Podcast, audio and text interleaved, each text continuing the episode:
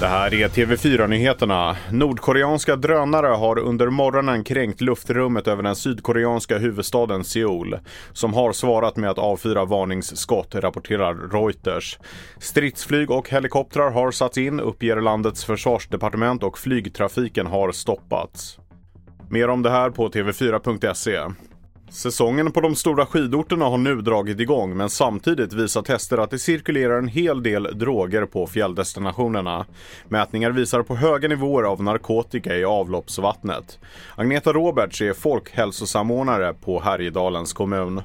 När vi har de här enormt eh, stora eh, vad ska jag säga, veckorna av turister så, så har man ju med sig sin droganvändning även upp till oss i glesbygden och fjällvärlden. Så är det ju. Vad handlar det om för droger som ni har sett?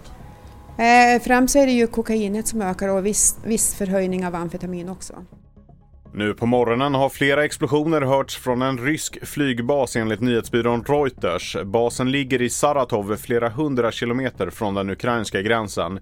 Enligt ryska medier har en ukrainsk drönare skjutits ner och tre militäranställda dödades av nedfallande vrakdelar. Mitt namn är Felix Bovendal och mer nyheter hittar du på tv4.se och i appen.